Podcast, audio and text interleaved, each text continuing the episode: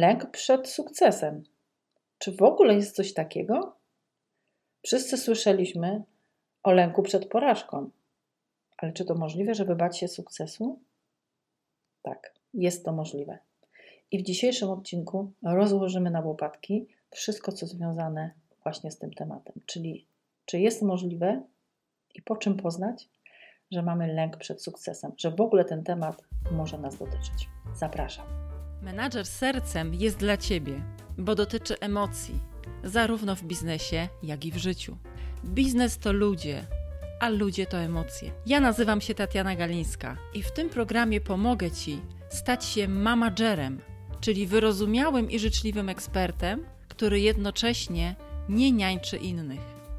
Bo każdy z nas jest menadżerem swoich emocji. Zapraszam Cię na kolejny odcinek. Moi kochani, inspiracją do dzisiejszego odcinka była dla mnie bardzo świeża rozmowa z moją klientką. Pozdrawiam ją serdecznie, bo na pewno będzie słuchała tego odcinka. E, która powiedziała: Tatiana, nagraj o tym odcinek, ponieważ e, sama powiedziałaś, że mało jest informacji w sieci na ten temat, mało jest książek, a pewnie więcej osób chciałoby trochę poszerzyć swoją perspektywę w temacie lęku przed sukcesem, bo w pierwszej chwili brzmi to dosyć zaskakująco. To to jest jedna z moich inspiracji, a druga jest też taka, że odkrywam właśnie, że wielu moich klientów, nie patrząc z perspektywy właśnie osoby, która widzi symptomy, która może w jakiś sposób podpowiedzieć i zdiagnozować, raczej u siebie tego nie dostrzega. No bo jak to jest? My mamy te blind spots, mamy te czarne, ślepe punkty i te rzeczy, których u siebie nie widzimy. Mamy swoje mechanizmy obronne, które nam pozwalają powiedzieć: Nie, nie, nie, to nie o mnie, to przecież jest niedorzeczne, no jakżeż ja. I wiecie, kiedy to wychodzi? Wychodzi to czasami w takich sytuacjach, kiedy opowiadam o takiej parze bliźniąt, która w nas siedzi. Mówię o tym, mówię o tej parze bliźniąt w kontekście szkolenia z perfekcjonizmu, ale również mówię o niej przy, przy innych spotkaniach z moimi klientami, więc pozwólcie, że teraz mm, przytoczę ten przykład, który będzie dla nas podstawą taką i wyjściem do tego, żeby rozwinąć temat e, sukcesu, a właściwie lęku przed nim. Zatem y, w każdym z nas, moi drodzy, siedzi taka para bliźniąt. To jest dziewczynka i chłopczyk, i oni mają na imię odpowiednio prokrastynacja oraz perfekcjonizm. To od nas zależy, jak ta para bliźniąt będzie wzrastać. Czy pójdą do góry i będą nami zarządzać, czy to jednak my, mając świadomość i autorefleksję, nimi zarządzimy i odpowiednio ich spionizujemy i zepchniemy tam, gdzie ich miejsce. Prokrastynacja, y, jak pewnie wiecie, to jest ciągłe przesuwanie tej granicy na później, na później. Prokrastynuję, oddaję, y, odsuwam, znajduję sobie tematy zastępcze, aż w ostateczności, kiedy już mam nóż na gardle, podejmuję działanie. A perfekcjonizm, moi drodzy, perfekcjonizm to jest trochę innym ujęciu lęk przed kończeniem. Dlaczego? Dlatego, że zobaczcie, jeżeli przyjdzie taki moment, że będę gotowy czy gotowa, żeby zrealizować jakiś mój pomysł, jakiś projekt, jakąś realizację, to prokrastynacja i perfekcjonizm chronią mnie przed jedną rzeczą, przed taką rzeczą, która się nazywa wersja pierwsza.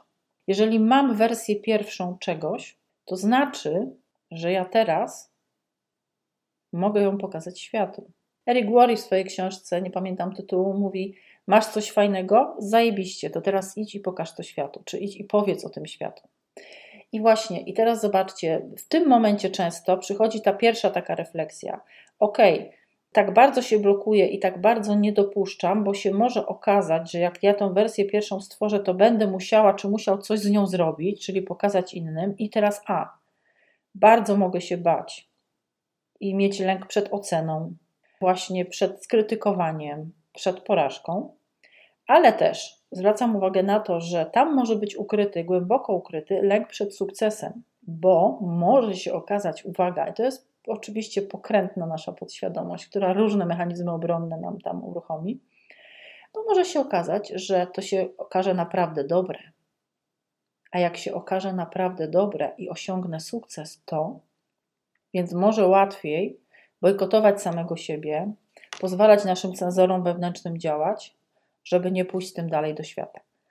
I teraz chciałam się z Wami podzielić takimi mm, moimi przemyśleniami, takimi symptomami, które nam mogą pokazywać. Mm, oczywiście to może być jeden z nich, może być kilka, a każdy z nich może być w ogóle samodzielnym, występującym u nas mechanizmem, zjawiskiem, ale warto jest posłuchać tego i zobaczyć, jak bardzo to z Tobą rezonuje, dopuścić to do swojej podświadomości, popatrzeć i zmienić perspektywę, że może to jest o mnie i może sama siebie blokuje, czy sam siebie blokuje przed sukcesem. Dlatego wysłuchajcie tego z, otwartym, otwartą głową, z otwartymi uszami, bo może coś tam znajdziecie o sobie, może Was to do czegoś zainspiruje, właśnie chociażby do zmiany perspektywy, a może rzeczywiście uznacie, nie, nie, to absolutnie nie jest o mnie. I powiem Wam szczerze, że rzeczywiście zaczęłam przeszukiwać zasoby internetu. Nie ma dużo informacji na ten temat. Ja się chciałam oprzeć na moich doświadczeniach, na moich takich przesłankach, tego czego ja się też uczyłam od moich mentorów, ale znalazłam też i Was tutaj odsyłam bardzo podobne spostrzeżenia, no bo myślę, że jak człowiek z człowiekiem spotka się drugim, który się zajmuje samorozwojem, to będą mieć podobne spostrzeżenia. To znalazłam bardzo podobne, choć yy, gdzieś tam no, delikatnie się różniące spostrzeżenia Michała Pasterskiego, który yy, na swojej stronie yy, pisze też o lęku przed sukcesem. Natomiast ja to ubiorę w swoje słowa, tak jak ja to widzę, tak jak ja to rozumiem, choć myślę, że mamy tutaj bardzo podobne i zbieżne przemyślenia co do lęku przed sukcesem. Po pierwsze, to jest to, co już powiedziałam i co, to, co wybrzmiało. Jeśli ja to pokażę światu, to może się okazać, że to jest naprawdę dobre. A uwaga, a jeśli to jest dobre, to może się okazać, że ja się zmienię, że sukces sprawi, że ja się zmienię, bo na przykład będę zarabiać więcej. Jeśli będę zarabiać więcej, to być może tam, pamiętajcie, tam zawsze pod spodem są przyklejone jakieś przekonania, które nas trzymają. Może się okazać, że przestanę być sobą, to wszystko idzie z poziomu przekonań. Mogę się stać kimś innym. Może być tak, że ktoś powie o mnie, że mi się w dupie poprzewracało, że ja już. Pamiętajcie, to są cały czas nasze scenariusze. To w ogóle nie jest rzeczywistość, tylko to my sobie to wkręcamy. Więc zastanów się, czy tak gdzieś tam nie myślisz, czy to ci się nie odpala. Jak to z tobą rezonuje? Bo może się okazać, że będziesz musiał w związku z tym zmienić siebie, zmienić swój styl życia. E, po drugie, Mm, może być tak, że y, no to jest taki też koszt naszej zmiany, że ludzie wokół mnie się wymienią. Zawsze jak się zmieniamy i coś się zadziewa w naszym życiu, ja o tym często mówię y, na moich szkoleniach czy na sesjach, pamiętaj o koszcie zmiany. Zmieni się środowisko, być może wymienią się ludzie. To może być w to wpisane, ale to, ale to też może Cię blokować przed tym, żeby zrobić krok do przodu, żeby rozwinąć skrzydła i osiągnąć sukces w jakiejś materii. Może być też tak, że i to jest coś, co pojawia się dosyć często, to jest boimy się hejtowania. Boimy się tego, że nagle inni zaczną mówić o mnie źle, że wyleje się na mnie wiadro pomyj, że przez to, że ludzie będą y, wchodzić w zawiść, to będą mi źle życzyć i może się stać coś bardzo niedobrego mnie, mojej rodzinie, a może być tak, że ja w ogóle tego nie udźwignę, może ja nie chcę słuchać tych przykrych rzeczy, które będą pisać. To jest kolejna rzecz, która nas tam może blokować. E, poza tym, no, odwołując się do jednego z tych wcześniejszych moich punktów, może być tak, że okaże się, że sukces spowoduje, że ja będę musiał czy musiała naprawdę mocno pracować, ciężko pracować, harować. I tam też są przyklejone przekonania. Pamiętajcie, moi drodzy, że oczywiście, że jeżeli coś tworzę, to jestem zaangażowana, ale to y, chodzi o to, że pracować i zarabiać można z lekkością. To nie zawsze musi być właśnie ten program, który mamy przyklejony, że musisz się utyrać i musisz się nacharować, żeby być godny czy godna, aby zarabiać dobre pieniądze. Tam też to może być przyklejone. To znowu jest powrót do pracy z przekonaniami. Bo jeśli lubisz to, co robisz, to oczywiście jest to absorbujące. To jest tworzenie Twojej firmy, Twojej marki osobistej, Twoich projektów i tak dalej, ale to nie zawsze musi być okupione ciężką, tytaniczną pracą. Nie zawsze. Może być też tak, moi drodzy, że y, no właśnie, ta moja zmiana, to co się wydarzy, będzie spowodowała, y, y, no, że ode mnie, no, życie, otaczający mnie ludzie, klienci, spowodują, że będę musiał czy musiała zrobić jedną bardzo ważną rzecz: zacząć być proaktywna czy proaktywny, czyli zacząć podejmować decyzje i brać za nie pełną odpowiedzialność, co też oznacza, że będę brać odpowiedzialność za swoje w efekcie życie, pieniądze, biznes i tak dalej. No, a póki jestem sobie gdzieś tutaj z boku, tak sobie dłubię i tak nie do końca ufam sobie, to może jest mi jeszcze tak wygodnie, tak? Tej odpowiedzialności aż takiej brać dłużej nie muszę. Y, no i czasami jest też tak, że ktoś sobie może pomyśleć, to akurat znalazłam tutaj u Michała, że y, sukces może sprawić, że zawsze będę musiał być idealny. No właśnie, wcale nie. Dlatego, że to, że, że my osiągamy sukces, to nie znaczy, że jesteśmy nieomylni, perfekcyjni, idealni. Na ogół jest tak, że sukces osiągają ludzie ci, którzy próbują, którzy doświadczają, którzy się potykają, y, którzy mm, budują swoje doświadczenia. To oni osiągają sukces, co jest bardzo dalekie od bycia idealnym. Myślę sobie, że ludzie idealni i nieomylni to są ludzie, którzy dużo rzadziej, jeśli w ogóle osiągają sukces, bo nie dają sobie prawa do popełniania błędów, prawda? No i pojawia się coś, co jest mega ważne, i to ja sama tego doświadczyłam, mówię od razu: syndrom oszusta. Syndrom oszusta to jest ten motyw, który nam mówi: przecież tak naprawdę to nic wartościowego ja tutaj nie przekazuję, to nie jest nic takiego super, hiper, żeby miało rzucić ludzi na kolana. Przecież to jest zbieg okoliczności, to jest przypadek, udało mi się, ble, ble, ble, ble, ble. I tego może być bardzo dużo. Syndrom oszusta jest naprawdę wielkim autosabotażem. Doświadczyłam go całkiem niedawno i muszę się tutaj z Wami podzielić moją osobistą historią. Kiedy w marcu, nie, w kwietniu to było na początku, miałam swój wieczór autorski związany z moją książką, z wydaniem książki Bez kija w tyłku, czyli o trudnych emocjach w biznesie i w życiu, to przyszło bardzo dużo osób ku memu zaskoczeniu, bo liczyłam, że będzie bardziej kameralne grono. Siadłam na tym fotelu i ja nie byłam jakoś bardzo zestresowana. Występuję publicznie od 16 lat, robię to zawodowo. Ale uwierzcie mi, że siadłam sobie na tym takim ładnym fotelu u Asi Sojki w jej firmie, do której mnie zaprosiła w pięknym salonie na konstruktorskiej w Warszawie. I pomyślałam sobie, Boże, co ja tym ludziom mam teraz powiedzieć? Przecież to, co ja w tej książce napisałam, to jest takie oczywiste i to są takie normalne rzeczy. Ja tego ciągle w mojej pracy doświadczam i sama mam swoją historię. Co ja tutaj odkrywczego wniosę dla tych ludzi? Syndrom oszusta mnie dopadł. Na szczęście on już był po fakcie, no bo już był po napisaniu książki i po jej wydaniu, ale ten syndrom oszusta może nas tak blokować. Przecież to, co ja mówię, to jest takie oczywiste, inni to dopiero mają co powiedzieć i pokazać, a ja to niewiele. Więc to może być bardzo, bardzo silny hamulcowy. Zwróćcie proszę na to uwagę. No i może być też taki moment, że pomyślimy sobie, ja nie jestem gotowa i gotowy, żeby na przykład, nie wiem, bywać w mediach społecznościowych, bo będę teraz y, rozpoznawalna w jakimś środowisku, w jakichś kręgach, będą na mnie patrzeć, będę się musiała, czy musiał odpowiednio prowadzić, albo stracę trochę swojej wolności czy niezależności. Może tak, y, takie coś nam tutaj towarzyszyć. Ale to wiecie, no to, to może być wtedy, kiedy to będzie sukces w bardzo dużym, bardzo dużym rozmiarze, kiedy tam są kamery, zdjęcia, brukowce i tak dalej.